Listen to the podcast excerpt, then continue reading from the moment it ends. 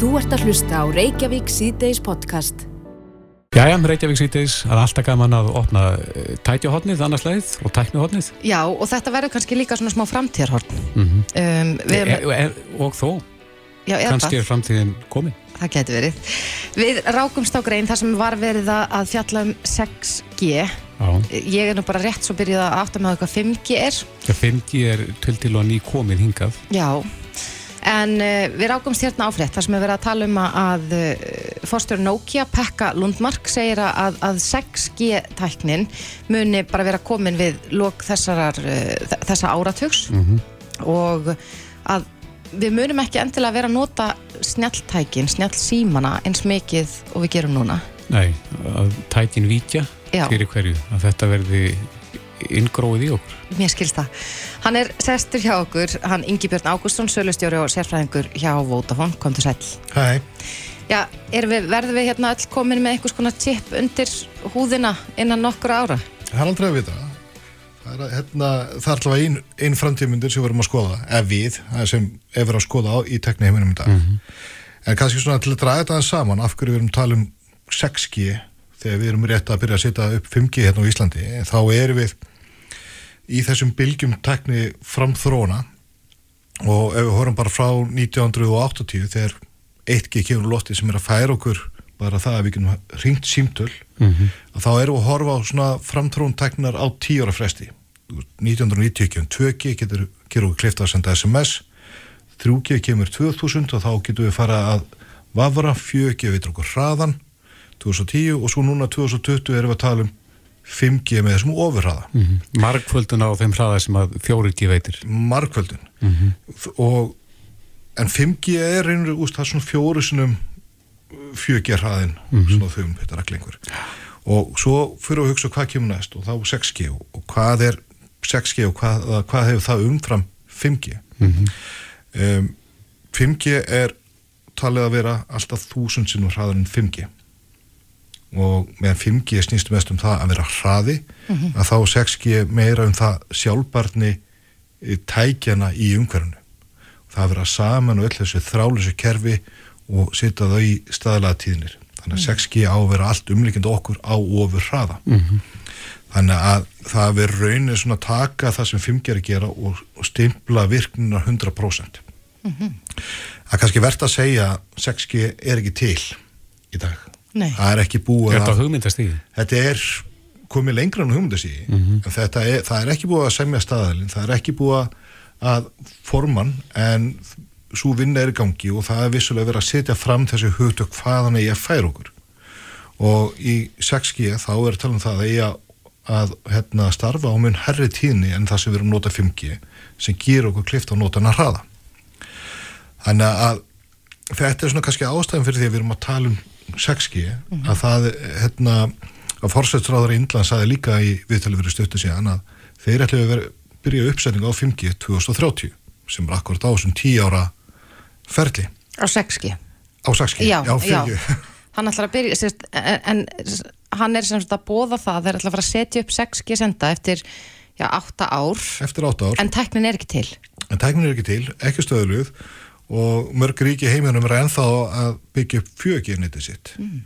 Þannig að þetta er, heimurinn er á mismun stað, þetta er svona, þetta er spennandi tími hvað er að gerast í ferskiptum En hvað með þetta að símtækin víki og þetta verður bara einhverju örflugur sem að... Þetta er það sem hann Pekka var að segja að, að nú er, þegar við erum komin með þessi sjálfbært út um allt og þá gætu við farið að, að breyta hönnu tækjana, það er ákveðinir hérna, að tæknum mun gera ákveðinir hluti smarri þannig að við getum sett hluti til dæmis í síndargleru og þar ertu með vídeosímtalið, bara þú ert að lappa eins og við séðum í bíómyndum að staðan verið vera með snjálfsíma þá ertu bara með augun og þú hugsar hvaða er að gera og stýrið þar leiðandi uh, til dæmis síndarglerunum Bara með hugsunum. með hugsunum.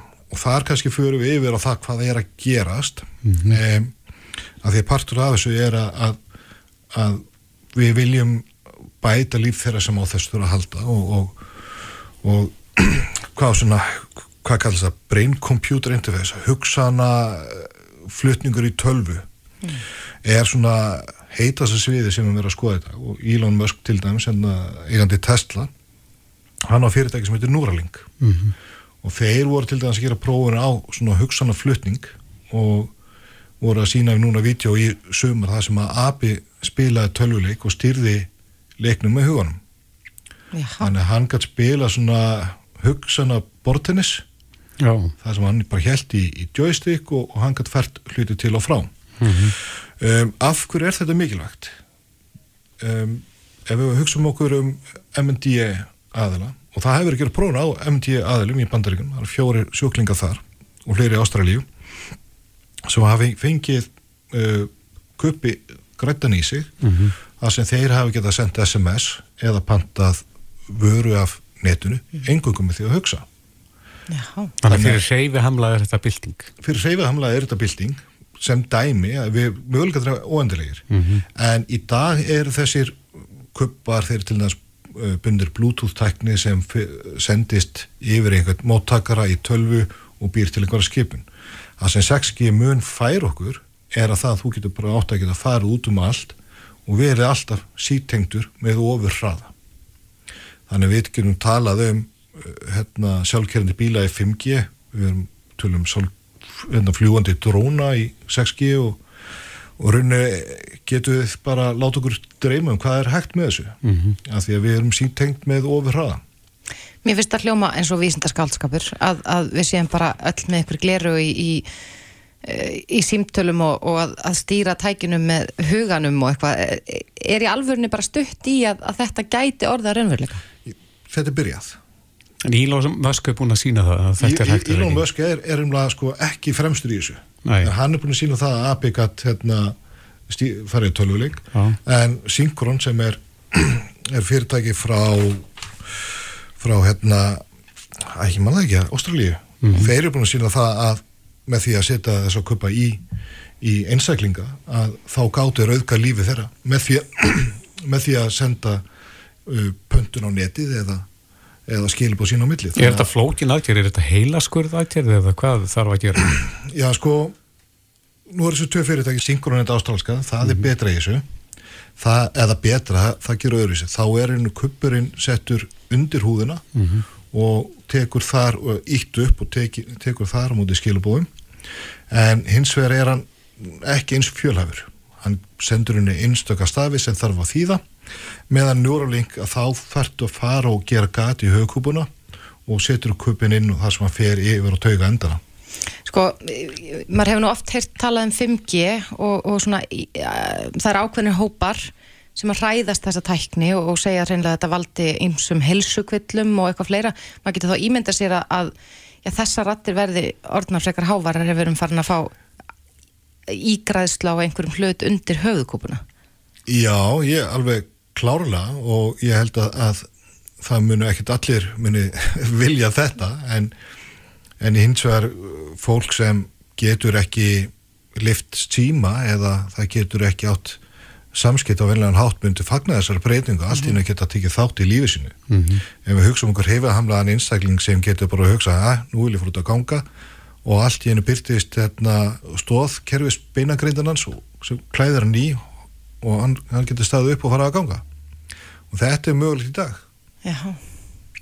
Þetta er mögulegt. innan ör, örg svæði en það verður mögulegt að frúta að ganga undir bert loft innan fara ára. Stundu vildi ég að, að, að hlustendur getur séð svipin á mér þegar við tölum um svona hlutu þetta ég er eiginlega gapandi. Þetta er magnað. Þetta Þetta er er mjög áhugavert. Hérðu eitt hérna áður en við vissum því ekki að því við vorum að ræða hérna áðan að, að, að þú ert frá Votahón ég er frá Votón, já. Uh, hljómurinn í símanum hjá okkur hann hefur breyst. Já, og þetta gerðist til mér eftir í uppfærði uh, iPhone síma minn yfir í iOS 16 já, það sem uh, þú ert að taka eftir er í rauninni hérna, uppfæsla á því hvernig við sendum hérna, uh, samskiptin mm. og vorum að færa það yfir á, á fjögi kerfið okkar, svo kallar volti og það er þá betri hljómur í því og hérna og gerir einnig klifta kannski að vafra um á netuna meðan þú ert í símanum mm. Þetta er ekki ólíkt fyrir ekki að FaceTime audio hljómnum Já, þú þá ertu að nota akkord gagnumagnin, Já. það er það sem við erum að segja og þetta er sem uppfæslega komið fyrir iPhone símana og, og hérna valdategund Samsung síma og, og það verður uppfært fljótlega hjá, hjá öðrum Samsung sínum og öðrum framlegundum Mm. Þannig að þeir sem uppfæra síma sinni yfir í 16 ja, og ég hef bara allir að gera það í gær. Já, að þeir detta sjálfgrafin á Þeir þeirra þetta nýja hljóm Já, og þetta svo sjálfgræn á 5G það sem að er komið 5G samband. Aha. en við erum komið með 5G mjög víða og við erum bara hraður í uppbyggingu. Já, Ingi Björn Ágússon, sölustjóri og sérfræðingur hjá Vodafone. Takk kærlega fyrir þessa skemmtilegu framtíðasín. Já, takk fyrir það Þú ert að hlusta á Reykjavík C-Days podcast. Reykjavík þess heldur áfram klukkan 27 minúti gengin í 5 Ég veit að margir eru slegnir óhug við þessum fréttum dagsins en lauruglan hjálp blaðamannafund Það sem framkom að fjóri íslenski kartmenn á 30 aldri hafi verið handteknir að sérsveit ríkislauglustjóri í gær vegna grunnsum stípulagningu hriðiverka. Við heyrum þetta ekki oft. Nei, svo sannarlega ekki. Uh, Lauruglu grunar að mennirnir hafi haft ekki að undirbúa hriðjverk hér á landi. Þetta er eins og segir, þetta er ekki oft, uh, líklegast bara aldrei, Nei, við hefum heyrt þetta áður. einmitt. Snorri Másson, fréttamaður á stöð 2 og Bylgjunni eða sín eh, var á fundunum, velkomin. Takk, takk, takk. Já, hvað kom svona helst fram á fundunum? Sko það kom ímislegt fram. Eh, þetta var náttúrulega þannig að það vætti nú ekkit endilega aðtekli allra að hérna gær þegar, þegar laurugla sendi frá sér yfirlýsingum að fjóri hefði verið handteknir sérsveit, lauruglu var þar og maður heyrir þetta svona aðgerð sérsveitar og svo framvegis við og við en síðan kemur þessi fundur og uh, þá kemur annað verið í ljós að uh, fjórir íslenskir menn á 30 aldri séu í haldi vegna gruns um skip, eða hafi verið teknir höndum og, og tveir sig í haldi vegna gruns um skipulagningu hriðverk og þeir voru að tala um þarna hegningalögin, þar að segja 11. kapla í hegningalögunum mm og ég veit að það sloknar á hausnum á fólki þegar heyrir uh, laga greinar og númerinn en það er í raun og veru megin atriðum verið að uh, lýsa því að, að þeir hafi verið grunaður um að ætla sér að fremja einhvers konar hriðverk þar að segja hvort sem hriðverkin hafi verið uh, árásir á alþingi eða, eða einhvers konar samsarið til að breyta stjórnskipun landsins eða hafa áhrif á stjórnvöld í landinu. Þetta er svona það sem þeir eru að tala um að þá gruni og það er einstæmi eins og þau sögðu allavega að þeir hafi ekki farið í eða haft allavega, ja, myndi maður kannski ætla að raukstötan grun áður um að uh, einhver hafi raunverulega haft þetta í ekki. Þannig að þar dregur samlega til tíðinda þetta veku mikla aðtikli og auðvitað eins og segir óhug vandinni kannski núna allan fyrir okkur sem uh, vinnum við að ræða þetta er að við vitum ósköplítið, við vitum ekki af hvaða rót uh, þetta er sprottið eða hvaða hugmyndafræði var þar að baki ef einhver uh, það er eitthvað sem lauruglan heldur á sér höndum um og veitur auðvitað ekkert endilega allt um sjálf sko. Mm En þeir í raun og veru samt gefa til kynna að þau það verið sér að skoða hvort að mennirnir tengist uh, einhverjum erlendum hópum. Já og þeir eru í sams samstarfi við alþjóða lauruglu um um að kanna þau tengsl öll. Um, við eigum bara alveg eftir að sjá um, hvað kemur út úr þeim aðtöfunum en svona það sem vakti mína aðtekli á fundunum var að uh, ég spurði þá hvort sem sagt þetta væri menn sem hefði verið í fíknefnastar sem er líka og það er svona yfirlega það sem maður heyri þegar maður er að heyra skipulað glæpastar sem er á Íslandi, það eru fíknefna, það eru vopn, það eru ofbeldi í tengslum við fíknefnasölu og einhvers konar arðbæra starf sem að þeim tóa en þeir sögðu að þetta væri bara afmarkaðist bara við grunin um þessi hriðvirkabrót sem svona gefur manni eh, þá tilfinningu að þetta sé um mun svona hvað getur maður sagt eh, svona umbeittari brotavilja í þessa veru en maður hefur áður heyrt þannig að það er sannlega líka ókveikindi. Já, og annað líka sem að kom þarna fram sem að maður heyrir ekki oft um og það eru þessi þrývítaprentuðu vopn. Jú, við höfum verið að fjalla um það á frettstofunni í ára að það hafa, held ég, allan einu sinni þá hefur verið tilög, skýrt tilög þar sem að þrývítarprentuð bissa eða þar sem allan að bissa þar sem, sem hafi þrývítarprentað í hluti var notuð Eh, og það hefur verið einmitt það, það hefur verið viðraðar áhugir á því svona einmitt í samhengi við þessa klassísku skipulegu brotastarðsemi mm -hmm. en þarna voru þau að tala um tugi þrývítar prentara bissa þúsundir eh, skotfæra og eh, alveg svona ískikilega hvað veit maður sagt, þjætt vopnabúr sem þeir verðast hafa gert upptækt að mestu leiti allan. Mm -hmm. Og þarna er líka verið að tala um, um einhvers konar sjálfvirk eða hálf sjálfvirk vopn. Já, og það, þarna, það eru eins, eh, samkvæmt mínu skilningi svona vopn eins og við heyrum af þessum eh, heyrum af Vestanhafs af, af slíkum samhengi, en við vitum ekki við vitum ekki hvað vopn þetta eru, við höfum ekki séð þau, Lörgland telur svo verum með meira hluta þeirra en, en eins og við segja þarna var verið að leggja ráðin um eitthvað sem hefur tekist að koma í vegfyrir eins og þarna er líst kom eitthvað fram á fundinu hvernig þau komast á snóður um Nei, þeir, þeir halda sér uh, höndum um það um, en hafa verið að fylgjast með þessum hópi um hríð mm -hmm. uh, og það var bara í gær sem við letum allir skara skriða sko. uh, og hvort að það hafi verið á síðustu stundu áður en eitthvað var gert það mjögum við væntalega bara vita uh, þegar við fáum að vita meira sko. Mhm. En, en nú var þessi fundur og ofta er það þannig að, að svo veita já, þessir uh, lauruglu þjónar, yfir lauruglu þjónar viðtöl að svona fundi loknum.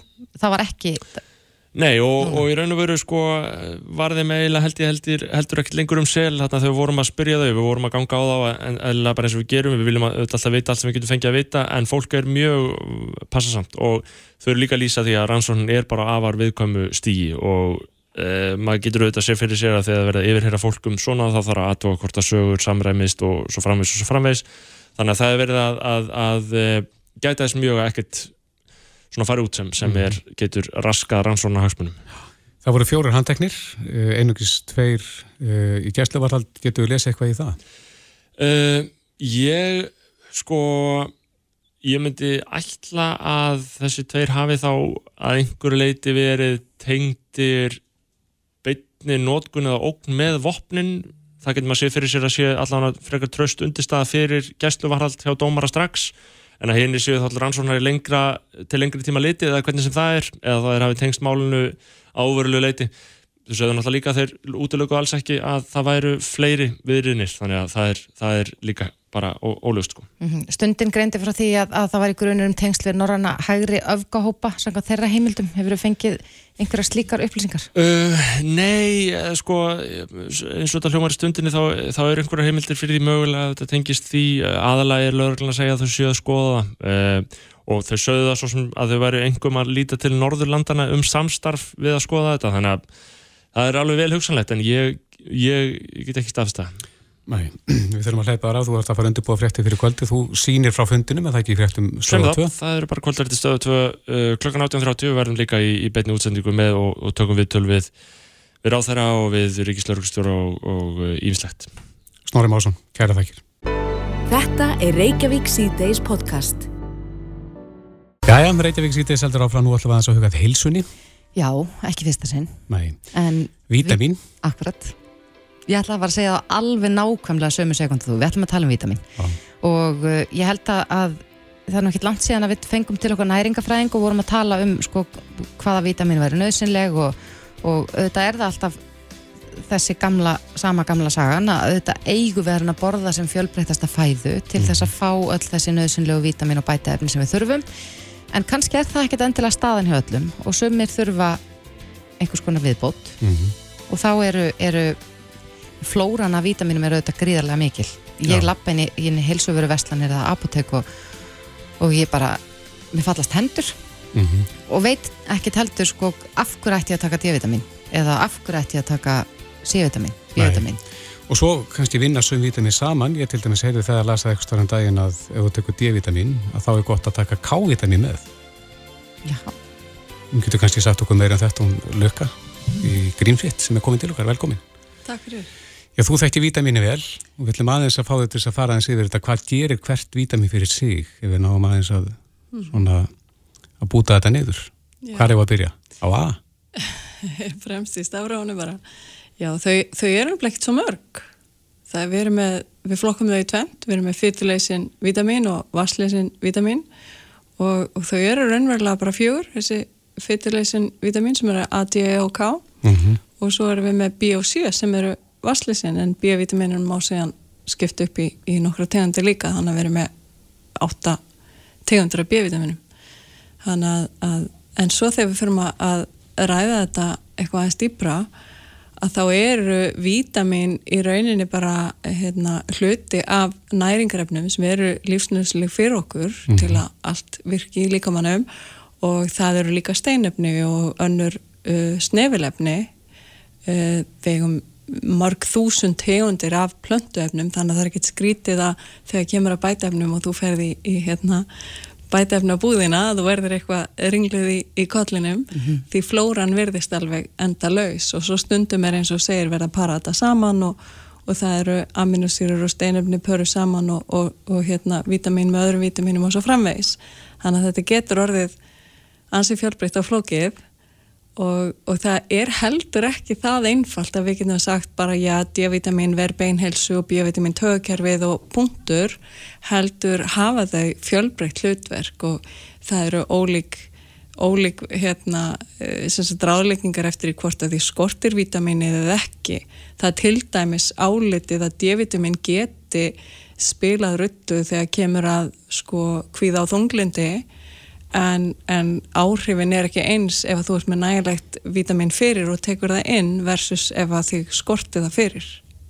Þannig að við erum einstaklingar við frásugum þau misvel og, og annað þannig að þetta er í rauninni ekki alveg einföld spurning en söm, söm vítamin er það ekki sapnast upp í líkamannum og, og maður getur rauninni ekki tekið ómikið af þeim mm -hmm. er það ekki maður skólar en bara út ef að mm -hmm. Akkurat, og það er akkurat, jú þetta er munur Er það vassleysin vítamin? Já, vassleysnu vítaminin er þannig við þurfum í rauninni að fá uh, eh, skamt af þeim á hverjum degi vegna þess að, að þau sapnast ekki upp í líkamannum á sama hátt er, er við ekki neittni hættu í rauninni ef við tökum aðeins og mikið af þeim eins og fá að mikið C-vitamini eða B-vitamini að það er alltaf lægið því líkamann kann að losa sig við umfram magn mm -hmm. þá getur við talað um kannski bara að kaupa þetta að þessi dýrar piss eða eitthvað álíka því að við losum þetta út með þvægi Hvaða vitamin eru það? Það eru eh, sagt, B og C sem eru vassleysin Já, mm -hmm. en þá er við líka B er, er flokkur vitamina, hann er verið með B1, 2 og 3 og 5, 6 og 7 eða 4, 5 og 6 og, og hérna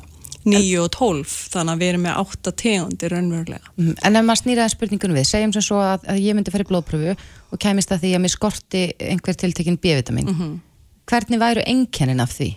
Þau geta nefnilega líka verið ansi fjálbreytt en ef við tölum um B-vitamin að þá er fólk ofta að tala um orkuleysi og annað slikt og það getur náttúrulega líka átt sér fjálbreyttar ástæður. Þannig að orkuleysi getur verið tengt játnskorti líka eða, eða ofnóttafjátni til dæmis. Mm. en það er lágt B-vitamin þess vegna mælu við þetta því að það getur tengst blóðleysi til dæmis, B-vitamin hefur, hefur áhrif á bæði uh, orkubúskap líkamáns og það er mikilvægt þegar kemur að frömu skiptingum.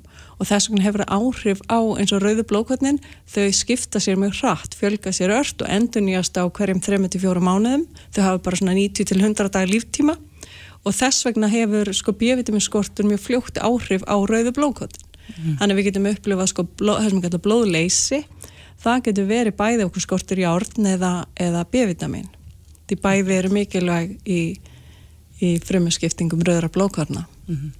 En uh, mér langar að þess að fara með yfir í C-vitamin ég hef ekkert alltaf gert það, ég veit ekki eins og af hverju ég gera það en ef ég er eitthvað svona aðeins að finna fyrir smá slappleika mm -hmm. þá dæl ég í mig C-vitamini mm -hmm. eins og að, að það muni kannski koma í vekk fyrir það að ég fái alveg, alveg, alveg algjör að flensu. Já, þú varst alveg á réttum slóðum að það vegna þess að C-vitamini hefur áhrif, eflandi áhrif á ónæmiskerfið okkar mm -hmm. þannig að það er ekki bara mýta en auðvitað er það ekki samt að fara bæja hérna, vírusum og, og, og öðru slíku frá ef maður hefur fengið eitthvað slíka síkingu en það getur alltaf ónæmiskerfið og hjálpa því að eiga við síkinguna þannig að það er ekkert Þannig er það svona helsta, helsti tilgangur með C-vitamin, verð það að, að styrkja ónæmiskerfi? Já, en það getur líka haft hlutverk eins og að hjálpa okkur að, að taka upp önnur efni eins og til dæmis þegar við erum að taka járn, þá tökum við oft C-vitamin með, þarna komum við aftur að svona samspili og, og, og blöndu, þannig að það getur hjálpa okkur frá svo önnu næringarefni líka.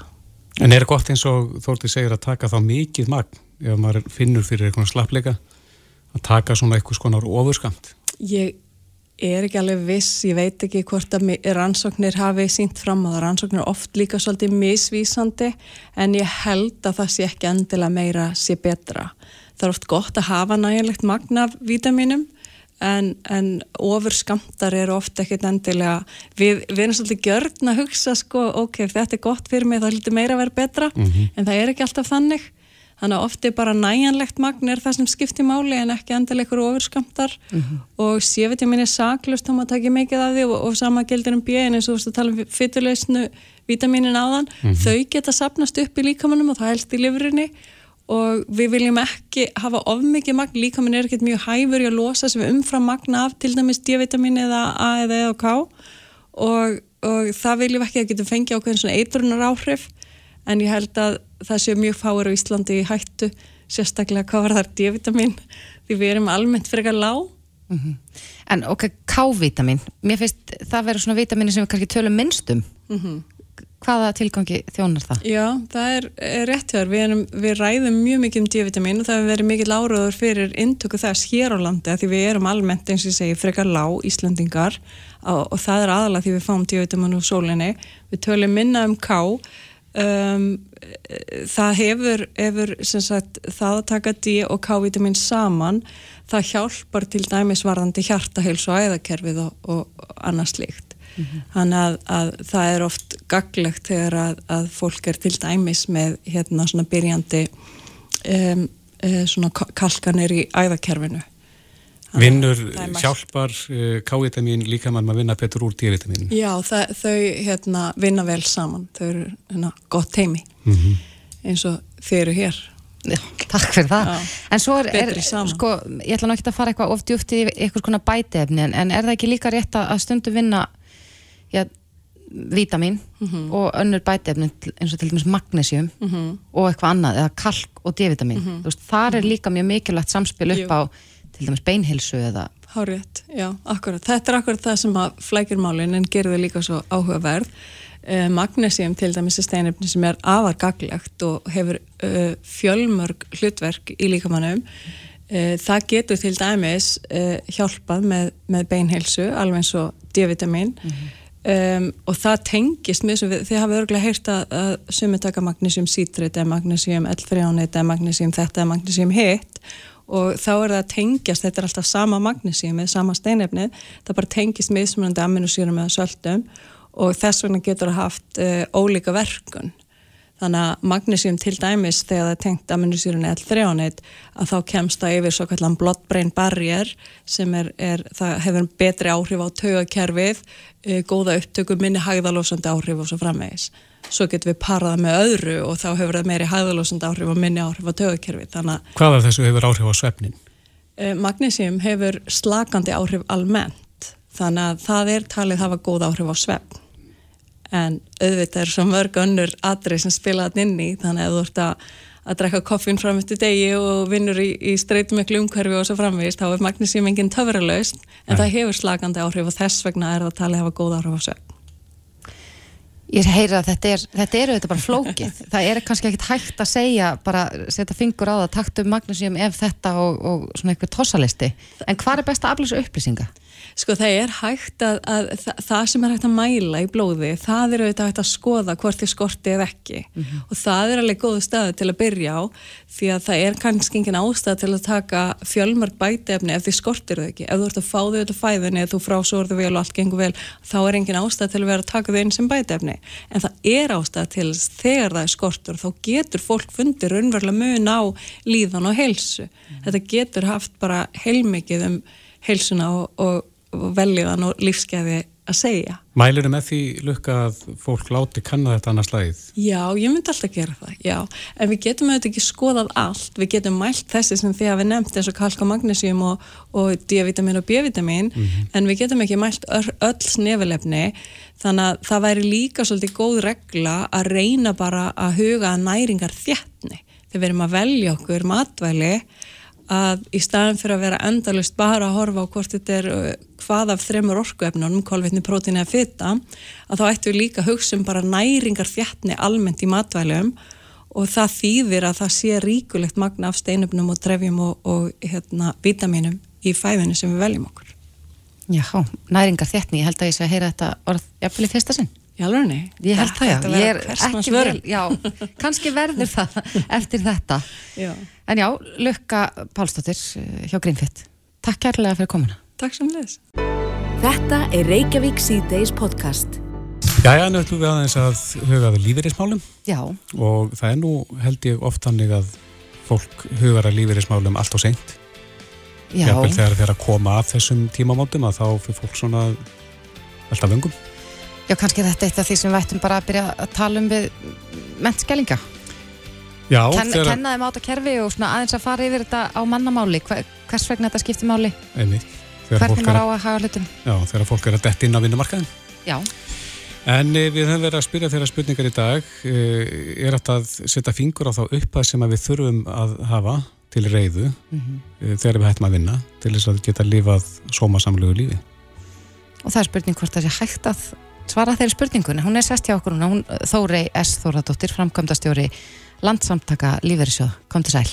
Sæl. Takk fyrir að bjóða mér. Já, gaman að fá þig. Er hægt að svara þessar spurningu? Er einhver svona ákveðin upphæð sem að er, já, væri æskilegt að eiga við starfslokk?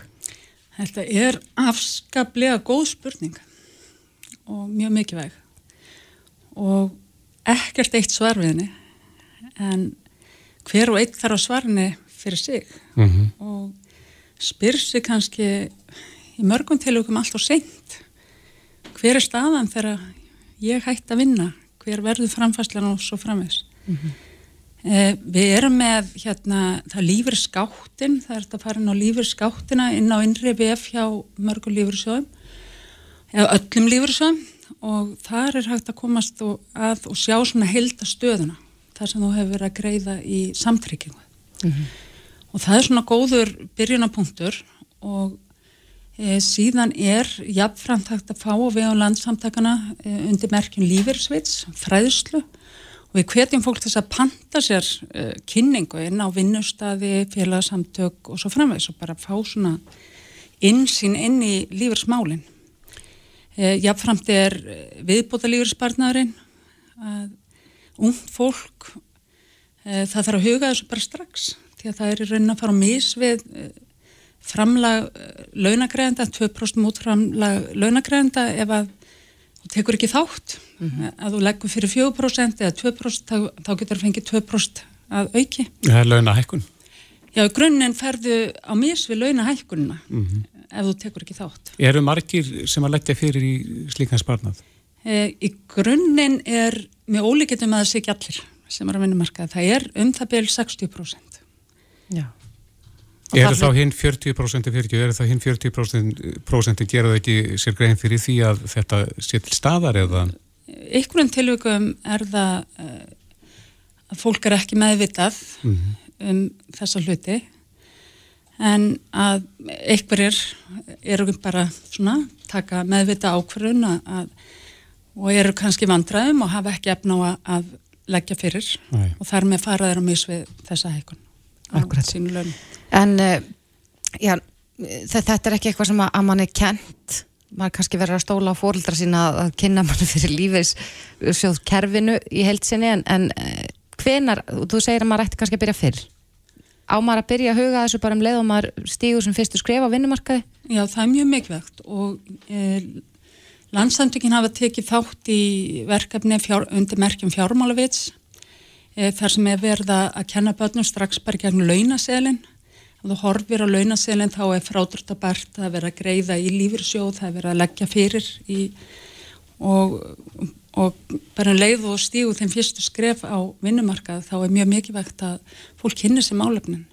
En svo er lífyrsögkerfið er ekki bara uh, eh, ellilífirir eða eftirlaun heldur jafnframt er uh, mjög góður áfallalífirir það er bæði örgu, maka og barnalífirir ef að fólk verður fyrir áfallum á lífsleginni en við erum með uh, gríðarlega upplugt lífyrsögkerfi á Íslandi. Við byggjum á skildutryggingakerfi og að og það vel, veldur uh, jafnframt því að fólk er kannski ekki hugsaður, já þetta er allt í lægi en þú getur eftir áhrif. Þannig að fólk þarf svolítið að skoða sína stöðu og meta uh, hver er mín staða þegar ég hætti að vinna og, og hugsanlega líka varðandi treykingar ef, að, ef þú eh, verður fyrir áföllum á lífsleginni hvernig er treykingapakkin? Við erum vantarlega misjöfnum álum þar að kemur að líferi og þeir sem eru kannski eldri eru ekki búin að vera að sapna í til dæmis sérregna sjóð mm -hmm. í, í þannig tíma sem að, sem að kannski yngri kynnslóðin hefur gert hvar, hvar eru við stödd þar? Hvenar, hvenar tekur sko almenna lífeyrisjóðstjærfið yfir og uh, tekur við að ríkjun eða er gert ráð fyrir að ríkið greiði ellilaun í framtíðinni? Sko almanna tryggingar í gegnum, eða greiðsluna kom frá tryggingastofnun Eh, þeir munu alltaf hafa hlutverk. Það er ekkit allir svo hefnir að hafa geta tekið þátt á vinnumarkaði, hafi ekki haft eh, starfsorku og svo framvegs eins og vitum, þannig að þeir munu alltaf hafa eh, sínu hlutverki að gegna. Núna vitum við að þeir sem eru á lífur eða stór partu þeirra, þeir eru ekki með full mótuð réttindi og við heyrum miklar óanauðrandir varðandi e, tekjutengingar, bara samspil kerfana. Skerðingar. E, já, það er mhm. nálgast eins og skerðingar og ég vil nota tækifæru og koma því á framfæri. Það er ekki lífyrirsöðnir sem er að skerða, heldur eru skerðingarnar í gegnum almantryggingar. Eða þeir eru raunni bæta ofan á. Þegar að fólk er komið með um, um það byrj 660.000 á mánu þá fær það ekkert út af almanntryggingum en jáðar áhrifin þarna eru grimmileg og við heyrum miklar óanæðuratir hjá þeim sem er á lífri í dag út af, út af þessu hvernig samspilið er þar á milli. Mm -hmm. og þetta er svona framtíða músik að þetta er pólitísk spurning það þurfa allir framfæslu mm -hmm. og það er stór hluti af þeim sem er á lífur í dag að þeir eru ekki með full mótað lífursparnað og lífursréttindi í gegnum okkar skildringkerfi þannig að eh, það eru mjög harðar tekjutengingar á milli kerfana mm -hmm. En hvað verður þá um þann hóp? Þeir eru raunin að fá greiðslur frá tryggingastofnun og núna er lungin af þeim sem eru á lífiri yfir höfu að þeir eru að fá einhverja greiðslur frá tryggingastofnun en í framtíðin ef við tölum um ungt fólk og þeir sem hafa verið að leggja fyrir lífursjóð núna með áramótinu verið að hækka skilduðigjaldið úr 12% upp í 15,5% og síðan eru margir jafnframt að leggja fyrir aukalega í viðbúta lífursparna og þá er þeir sem hafa verið á vinnumarkaði í ára tugi að þeir eru uh, kannski komni með uh, það, það góða framfæslu á grundvelli lífuris sjóða sapnaðar að mm -hmm að þeir fá ekkert út úr almantryggingum og eru kannski bara alveg sáttir við þá stöðu en þeir sem eru á lífur í dag að þeir eru ekki í, í þeirri stöðu að vera búin að, að hafa lagt fyrir með þeim hætti að þeirra spartnaður gegnum lífriðsöðakerfi að það sé kannski fullnægindi framfæsla. Þannig að þeir sem er að koma út á vinnumarkan í dag að það má ekki ráð fyrir því að þeir séu alfari þá úr lífi á, á því sem þeir hafa lagt fyrir sjálfur? Í mörgum tilbyggum það er náttúrulega mismunandi staða hjá fólki og við veitum líka að það kemur ná, kannski ekkert mjög óvart en, en konur eru oft e, taka sér leifi frá, frá vinnu vegna basburðar og veikra fóreldra og annað slíkt og eru kannski ekki með það, það eru oft svona gött í ávenslunni hjá, hjá ákveðnum einstaklingum. Þannig að En íslenska lífyrsögkerfið er byggt upp með þeim hætti og almannatrygginga koma það sterkar inn á, þannig að við erum í rauninni í alþjóðlegum samabyrði þá stöndum við gríðarlega vel. Mm.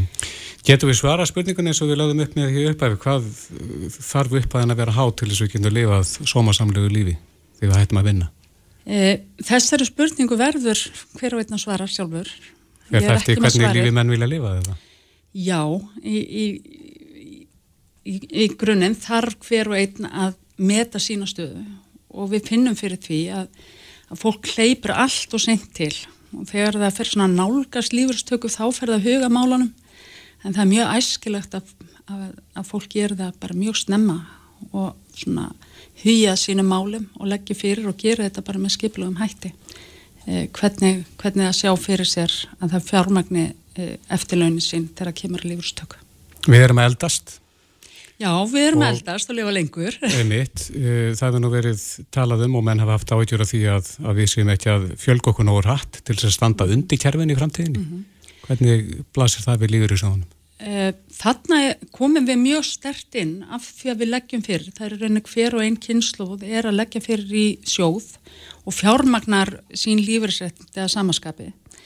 Eh, en af því að við vitum að núna er eitthvað cirka 5,5 á vinnumarkað á móti hverjum lífurstega 2060 er það áætlað að það sé 2,5 e, og þar að leiðandi er ekki að leggja þetta er rauninna á þá sem er á vinnumarkaði gegnum skattgreðslar á hverjum tíma. Þannig að, að þarna hafa Íslendinga sínt mikla fyrirrikju að, að byggja upp kerfi sem er sjálfbært. Mm -hmm. en við horfum á tekjutengingar almannatrygginga að þær eru grimmilegar eh, gagvart þeim sem eru á lífur í dag vegna þess að við erum ekki komið með þannig að það er svona ákveðin kynslu sem er raun að fjármagna bæði eh, sjóðsöfnunina og jáfnfram gegnum streymi gegnum tryggingastofnun þannig að það er dáltið Eh, þe- Þetta tekur tíma og það er ekki að breyta kerfi eða byggja upp kerfi á nokkrum árum. Þetta er áratuga verkefni og við meðum þakka fyrir hvað forverur okkar og eldri kynsluðin síndi mikla fyrirhyggju með því að stopna það kerfi sem við búum við í dag. En, en þurfum við að fara, og þú talar um hérna árið 2060, þurfum við að fara að huga að því hvernig við ætlum að fjármagna þetta kerfi ef að já, þessi hlutfell verða svona skökk miða við stöðuna í dag? Eh, Við í rauninni erum búin að huga því Já, við erum búin að því. og við erum með sjóði og, og þeir eru ætlaðir til að greiða lífri til framtíða. Þetta eru eignir sjóðfélaga sem að lífrisjóðnir eru að ávexta og, og meðhandla og, þeir, og þessar eignir eru ætlaðir til greiðslu lífris. Það er hlutverkið. Hver er upphæðin í lífeyrissjóðum landsmanna í dag? Hvað eigum við háar fjárhæðir? Þetta eru gríðarlega háa fjárhæðir. Þetta eru eitthvað um 6.700 miljardar og, og það er mjög mikið vakt að, að þar sé hugað að því, bara hvernig fjárfest er og annað, því að megi markmið er að huga að hagsmunni sjófélaga til þess að geta verið í stakkbúin til þess að borga ásættanlega lífri fyrir þá sem hafa lagt fyrir og eiga þessar regnir. En spurningin okkar, við erum ekki ennþá búin að, fáum kannski ekkit svar við henni vegna þess að þetta er mjög einstaklingsbundið, hvernig fólk lífur og hvernig það kýs kannski að, að eigða uh, sínum dögum. Já, margir kjósa að búa erlendis til að drýja öðrin. Já, maður hefur heyrt að því. En uh, Þóri S. Þórðardóttir, Frankværtastjóri Landsamtaka Lífeyrisjóð, kæra þakki fyrir komuna. Takk sem leiðis. Reykjavík síðdeis á Bilginni podcast. Já, já, það er komið 50 dagur og það er komið að þessu vikulega hjá okkur. Já, það eru fastegna fréttir með Páli Pálssoni fastegnarsala sem er sestur hjá okkur, kom til sæl. Komið sæl og blessið. Í dag ætlum við að fara yfir uh, vinsælustu hverfin eða það er að segja dýrustu og ódýrustu. Já, það eru sko oft þessar umræður hvað eru dýrustu hverfin, hvað eru Mhm. ódýrustu hverfin og ég tók saman lista mm -hmm.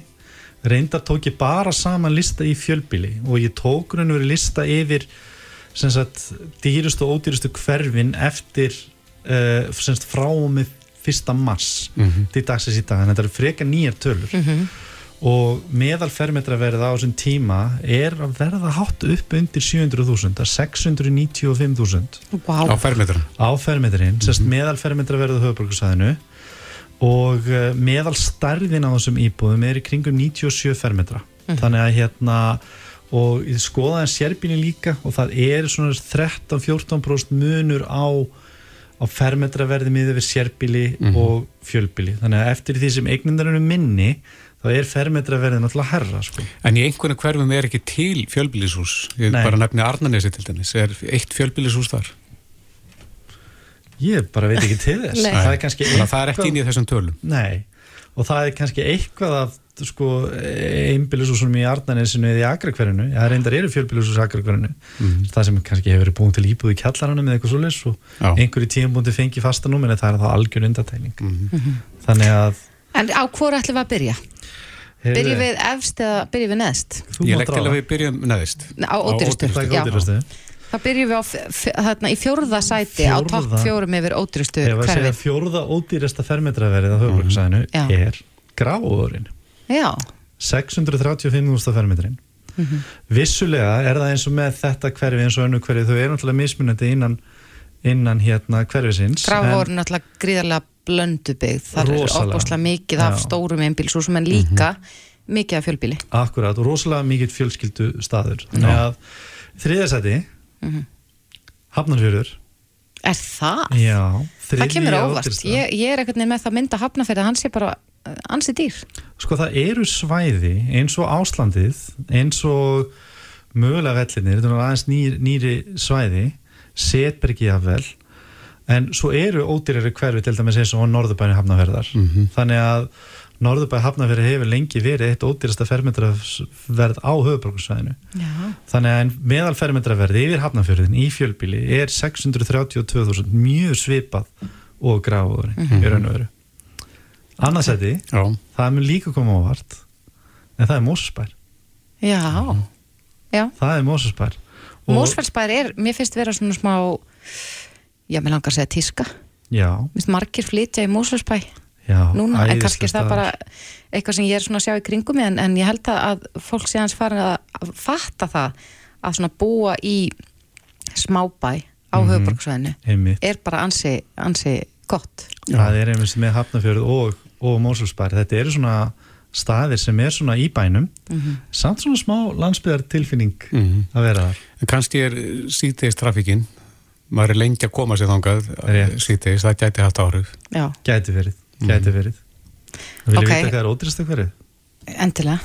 Viljið ekki eska? Nei, Nei, ég vil eiginlega ekki gíska En ódýrasta hverfið er með meðaltal Mhm. upp á 567 skallar fermetarinn og það er breiðaltið já. Ég ætlaði ekki að gíska á það sko, þetta er Já. náttúrulega mitt hverfi. Þarna ólst ég upp, en það er náttúrulega gríðarlega stórt. Já, og þetta er í þeim mista þrýstift, það er efur og neðra Já, og svo náttúrulega hérna, Þetta eru tvö postnúmer, 109 og 111 já. og svo með þess að nær selja hverfið sko frá neðra og upp að efra þannig að við tekjum selja hverfið, fellin og bakkana Mhm. þetta eru bara ólíki staðir. Og svo náttúrulega eins og við þekkjum í selja hverfinu að það er náttúrulega risastór hús þar. Já, þú veist 400 fermetra, jafnvel 500 fermetra hús. Mhm. þannig að og meðan kannski bakkatin er náttúrulega bara nærbreyld náttúrulega meir og minna bara íbúðir. Já. En hvað er það sem ræður þessu? Er þetta eftirspurnin? Ég, sko, hvað ræður þessum mun? ég, sko það gæti verið líka fjöldin það eru náttúrulega ofbúslega margar íbúðar hana og til dæmis ef við berum saman til dæmis um, hverfi þú veist eins og til dæmis Mosó að ég hef nú samt tilfinningunni til í lengri tíma ef ég myndi taka sko ekki bara frá mars heldur ég myndi taka kannski ár það kemur ekki óvart að fermetraverið var kannski aðeins herra en, en hérna ég held að það sé bara svona fleiri eignir sem er að seljast í fjölbíli úrtækið er starra Mm og svo er náttúrulega bara þarna eins og við kannski vitum að, að innkoma fólk sem býr til dæmis í fellakverfinu er læri heldur en fólk sem býr í er í Garðabænum sem veldur þessu. Já. en svo er þetta náttúrulega bara alltaf gamla góða frambóð og eftirspurn. En þessi hverfi sem við tókum hérna, þetta eru fjögur ódýrustu hverfin á höfbruksvæðinu, eiga þessi hverfi inni hækkun eins og til dæmis Mósusbær Já. sem er að stækka gríðarlega mikið, það er að poppa upp ný hverfi hér og þar í Mósó. nákvæmlega. Og raun og veru Mosó er svona helsta vonastjarnar höfbruksvæðinsins um stækkun á höfbruksvæðinu þannig að ég hefði haldið að öll þessi hverfi þar sem þau eru töluvert undir miðalfermetra þið sjáu það að 567.000 eða 600.000 fermetri eða með meðalfermetra eru upp á 700.000 fermetrin að það má færa rauk fyrir því að þarna eru kannski tækifæri Já. Og þannig svo að, náttúrulega þegar sundabraut verður komin að þá náttúrulega breytast fórsendur líka. já, ég tala nú ekki það sko En ef að taka hinlistan? Dýrustu? Er. Byrja þá á fjórða. byrjum á fjórðasætinu 724.000 fermetrin Mm það er Garðabær. Já, Já, Það er Garðabær. Og nota bene, þetta er sko fjölbíli Þarna eru sko náttúrulega auðvitað til alveg óbúslega dýr fallega, reik- dýrar og fallega regnir í sérbíli en þarna erum við að tala um sko allt Garðabær, það er að segja urriðaholtið og náttúrulega agrakverfið uh, svo náttúrulega eins og ég kalla þetta oft 101 Garðabær sem er svolítið kringum sko Garðatorkið og, og þar fyrir já, aftan þannig að þannig að það eru líka mjög ólík fermetraverð eftir hverfum innan sama hverfisins en þannig er 724 skall Svona á meðal meðalverð. fermetraverð í Garðabæ ef það tekur Garðabæ eins og leggur sér sko. Fjórðasætið, þá er það þriðja. þriðasætið, málið það þriðja annað og fjórðasætið er með mjög líkt fermetraverð en vestubarinn hann er í káringarnir. það eru káringarnir og hérna þar eru við með meðalfermetraverð upp á 730.000 Mm og þetta eru sko meðalfermetra verð frá sko 40 og upp í 250 fermetra íbúður þannig að þetta eru allar íbúður já. En byrju, hvar var Garðabærin eftir? hann var, 700... hann var í 724.000 Já, Já, hann var munar mjög litlu. 730.000, það munar eiginlega mjög litlu. Mhm. þannig að, og meiri segja eins og með Vesturbæran, hann er meiri segja sko sangað þjóðskrá og honum er nú skipt nýr í tvö, ef ekki þrjú svona verðkverfi í raun og veru. Já, þannig að, Áhugavert. Ég Þannig hefði að- haldið að Vesturbærin væri ofar á þessum lista þannig að ég er mjög spennt að sjá hvað er í öðru og fyrsta seti. sko annarsætið um, enn og aftur, það er að því að úrtækið þar, alveg svo með breiðholtið úrtækið þar er mjög lítið að því að það eru svo rosalega fáar sölur á þeim stað Já. en það er með fermetraverð upp á 734.000 næstu því það sama á Vesturbærin og Gælabærin en það er Seldjarnanes Já, Þar eru þetta, mér skilt að, að Seltjarnes er bara uppselt. Já, við skilst að ég eftir að byggja hann einhverju 150-60 íbúðir Mhm. svo verður aldrei aftur byggt meira. Og fáareiknir í bóði sem að því þá fólk er ánægt og er ekkert mikið að Já, fara það. þetta er eins og seldindin er eins og svipað á garbaðinga þeir fara aldrei út fyrir sitt postnúmer einhvern veginn, þeir bara einhvern veginn komast ekki anga svo hefur kannski kynist makað eitthvað fer allt einu óvart í hafnafyrunni á lögadalinn þá er þau mjög fljótið baka bara það er alltaf farið að leita aftur í sínum þeir eru með svona lojal sínum sveitafélagum sko. Já, Þannig ok, fyrsta en sætið. dýrasta hverfið Dýrasta hverfi í Reykjavíkuborg. ég held að Nei, á höfuborgarsvæðinu, segir við á höfuborgarsæðinu ég held að við séum búin átt að gráði að það er náttúrulega miðbærin Já, já, auðvitað. hefur alltaf og verður líklega alltaf dýrasta meðalfermetraverðið Mhm. en meðalfermetraverðið þar í dag er 866.000 Og þetta er svaka stökkarna frá... Vá, rosalega mikill munur á Mhm. miðbænum og síðan Seltjarnes, Vesturbæ og Garðabæ já, og miðbærin er bara 101, það er, það er bara Já, 101 Reykjavík. þa þar er aftur skipt í sko þar eru þingkoltin það eru sem sagt þingkoltin af Snorrabraut og svo er náttúrulega hinum megin þar að segja eh, frá Vesturbæ og að tjörn í raun og veru, þetta er raun og veru þrjú uh, hvað maður að segja, verðsvæði. verðsvæði sem hort er á með miðbærin þannig að, þannig að En þetta er rosalegt fermetraverð. Þetta bara fer að nálgast miljón. Það fer að nálgast það. Og við erum náttúrulega fyrir minni íbúðir 40-60 fyrir myndir íbúðir erum alveg að fara að sjá uh, þetta fermetraferð. Og fyrir utan náttúrulega sko þessa luxusegnin í Östurhöfn þar sem við erum að sjá kannski 12-1600 skall fermetrinn. Þannig að hérna þannig að það er það, það er bara staðan sko. Já. Ef við streikum undir, þá er breiðholtið, það er neðst á listanum já, og uh, 101 efst á listanum. já, þannig er bara staðan Herðu eftir viku, þá kemur ég til okkar með meiri fróðleik. bara ekki spurning Páls Pálsson, fasteignarsæli. Kæra þakkir. takk fyrir mig Fastegnafréttir í Reykjavík síðdeis er í bóði Pálsson fastegnasölu. Heima er best. Hlustaðu hvena sem er á Reykjavík C-Days podcast. Jæja, ég var fjallað þessum nýjasta hnyggslismálið. Já, það má segja að þetta sé neykslismál sem að, að tegir sér víða. Þarna erum við að tala um uh, nýjan, nýja uppfærslu í þjóðleikhúsinu á uh, söngleik Já. sem heitir Sem á himni. Mm Að Þetta er á stóra sviðinu, þetta er svona haust, stóra haustsýningin hjá þjóðleikhúsinu. Já, og hún fær ekki góða dóma hjá ríkisútvarpinu þessi, þessi, eða þetta leikrit. Nei, það er ímislegt sem að, hún, Nína Hjálmarsdóttir sem að, að er að skrifa þarna gaggrinni á, á leikritið, hefur út á að setja. Og eitt af því sem hefur vakið hvað mesta aðtegli er gaggrinni hennar á það að þarna er ófallaður einstaklingur uh, já, fenginn til þess að leika persónuna Dotta sem er fallaður og síðan að þessi gaggrinni kom út hafa margir á netinu verið að, að blanda sér inn í þetta mál. En hefur þetta ekki alltaf verið svona? Já, það er nefnilega Hefur spurningin. ekki alltaf ófallar einstaklingur í gegnum eh, tíðina leikið fallaða einstaklinga? Það sem það á við. Já, en hún talar þarna um eitthvað sem hún kallar crip face á ennsku um, og það er þegar óföllu manneski er að leikja mannesku með sínilega föllun og þetta hugtak er auðvitað við þekkjum hugtaki blackface þar sem að, já, hvítur einstaklingur sem er hvítur á hörund er að leika einhvern sem er svartur á hörund með því að mála eða lita húð sína dökka Já, þetta er tilvísin í það. Já, En spurningin er, og þeir nú- hafa náttúrulega verið spurðir í þessar umræðu sem að ég hef tekið eftir, uh, fallaðir sjálfur. Mhm. En á línunni er formaður öryggjabandalagsins.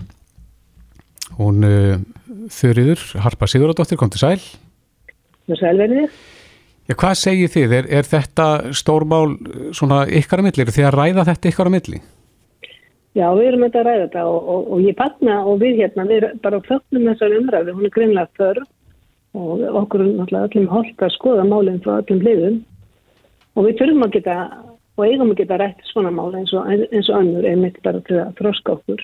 En finnst ykkur óheðlilegt að ófallaðir einstaklingar leiki fallaða?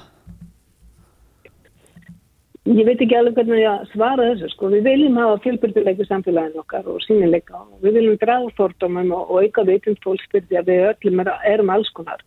Ég finnst það persónulega og ég held að þessi bara skoða mjög marga að það er mjög jákvægt að leikara reynir sér við krefjandi verkefni eins og að tólka fatlaða einstaklinga alveg eins og aðra hópa í samfélaginu. Uh, ég vil auðvitað bara auka þáttöku fallaskóls í samfélaginu og sína ykkur þessi dýrmætur, hvort sem er sjónvarpi, kvipmöndum eða og ekki síður í leikhúsi. Mm -hmm. Það verður jákvægt og auðgandi að sjá meir, meiri fjölbrytileika í, í, í leikhúsinu. En, en sko, ég er ekki búin að sjá nákvæmlega þetta hérna, versk enda á. Mér finnst þessi umræða, sko, hefur ég nú getið séð hana alla saman líka, ég finnst bara mjög mikilvægt að, viðfangsefni sé, sé hérna, nálgast að virðingu og, og, og, og hérna, og mér finnst eiginlega kannski hvað við segja, ég, ég held að ég vildi bara sjá meira af því að falla fólk sé hluti af sögunni sem að tólku er af sögunni hverju sinni. Akkurat. Og, og, og við viljum sjá fyrirmyndir þannig að föllibögn og ungmenni og, og bara falla fólk sjá í þessum tækifæri byrju sín að til dæmis læra leiklist. Mm -hmm. það er ekki bara drömsinu að við getum öll leikið alla eða eitthvað, eitthvað álíka en, en auðvitað skiljið þessa sko, umræðu og hún á mjög mikið rétt á sig og hún þarf eiginlega komast fram um, en, en hérna ég á daldi erfinn að tjá mig um þetta þar sem ég hef ekki séð hegriti. Nei, en, en það hefur verið bent á það að, að, að þessi tiltekni karakter, hann Dotti, að hann sé ítrekkað nýðurlæður í leikritinu og, og, og það er nú já, mögulega bara vegna þess að, að verkið var skrifað þannig en hefði það átt að vera á ábyrð þjóðleikúsins að bæta þar úr? Ég skal nú ekki segja, þetta er auðvitað bara, verkið er kannski skrifað á einhvern ákveðin á, það sem að kannski, svona, hvað ég segja, uh, uh, það sem að maður svona hefur dreigið út úr hérna, þessari umræðu, það er kannski það að, hérna, uh, já eins og ég hef lesið þetta, þá hefur það að maðurinn er látið pissa á sig á svinu, það, það er kannski, það er svona ákveðin niðurlæging og og ég bætir ekki neinu við og í raunum kannski kemur ekki sögunum við að ég geti fullist eitthvað. Ég er náttúrulega á eftir að vera áhörfandi en, en mér finnst kannski að menn þurfi að einmitt nálgast við ykkursefna virðing og ég vissum að hérna, leikarafni gera það. Uh, við meðum ekki kasta ríða á, á, á þessar flottu listamann sem við eigum. En, en, en menn þurfi að hugsa málinn frá mörgum hlýðum og þetta er bara hluta því. Mm -hmm. En þarna er það að ófallar einstaklingu leiki fallan einstakling sett undir sama hatt og uh, þetta svo kallar blackface, það sem að kvítur leikur svartan. Uh, svona ef við streikum undir, er það niðurlæging fyrir fallaða finnst þér að, að uh, ófallaði leiki fallaðan? Eða er það eðlilegu hluti af leikúsinu? Ég veit ekki, erum við ekki komin sko ádaldi skritist að það sem að, konuleika kalla í leikúsi Uh, og, og, og, og fólkuleikur eða leikar að leika börn og alls konar og dýr og alls konar. Hérna e, sko, þetta hugtakarna blackface og tripface og allt það það ásum alltaf þetta bara ákvæmna sögu. Kannski það væri þetta betra ef að falla fólk væri, sérst, væri leikarar uh, eða væri með bara uh, falla fólk sem getur leikið væri, getur verið á, hérna, hefur legt leikus og, og, og hérna, sviðslistir og, og auðvitað auðvitað eitthvað svo leiðis fólk mm -hmm. sem hefur gert það sem er fallað en við þurfum þetta við meðum ekki við, sko, við sem svona, og ég sem fallað fólk, við erum þetta bara hluti af hérna mannflórunum, eðlur hluti mannflórunum að eigum að þetta vera sínilega í leikursinu og leika þá jafnvel okkur sjálf. En getum við ekki líka hugsanlega snúið sem erum sagt, en við þá ekki líka leika hérna, ófallaði einstaklingin. Eða bara, erum við ekki bara, eh, eigum við ekki bara vera hérna aðra hlutverki kannski og hérna kemur svo föllinum eitthvað einhverju við eða það er bara fyrir eftir verkinu hverju sunni. Mm -hmm. Það er. Og kannski hefur hérna mátt eh, hérna hérna kallan fallan einstakling að leika, leika fallan einstakling alveg eins og börn eru kallan til að leika börn og ungmenni kallan til að leika ungmenni án þess að hafa lótið einhverja, einhverja hérna, leiklustu mentun mm en við meðum hefur ekki gleyma því að það er mikið nám og, og, og, og fólk hefur sko, mikið rannsóknum sem að líkur að baki því að vera að leika, að leika einhver hlutverk alveg sem hvað hlutverk það eru. Já einhverju hafa eh, kallað þessa gaggríni sko, of mikinn pólitískan réttrúnað og, og, og þarfram til göttunum tólkið þið það svo að þetta sé já, óþarfa umræða eða Nei, mér finnst þetta bara mjög þörf umræða. Mér finnst þetta bara mjög þörf umræða sem að, eins og ég sagði á hana, að okkur er mjög hérna, holdt að taka og svona velta upp að skoða.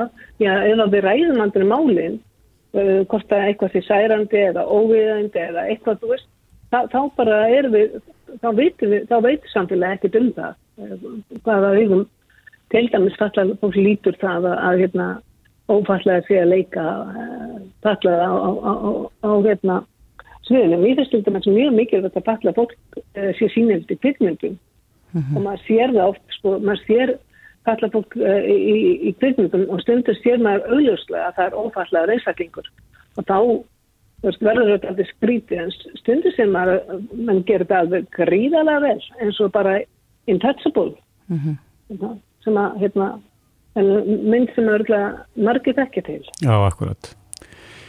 Já, Þurriður Harpa Sigurðardóttir, greinilega mikil umræða innan ykkar hóps um, um þessi mál í dag eftir að þessi umræða kemur upp. Þú ert formadur örygja bandalagsins. Kæra þakki fyrir spjallið. Já, takk fyrir þess, það var samband. Reykjavík síðdeis á bylginni.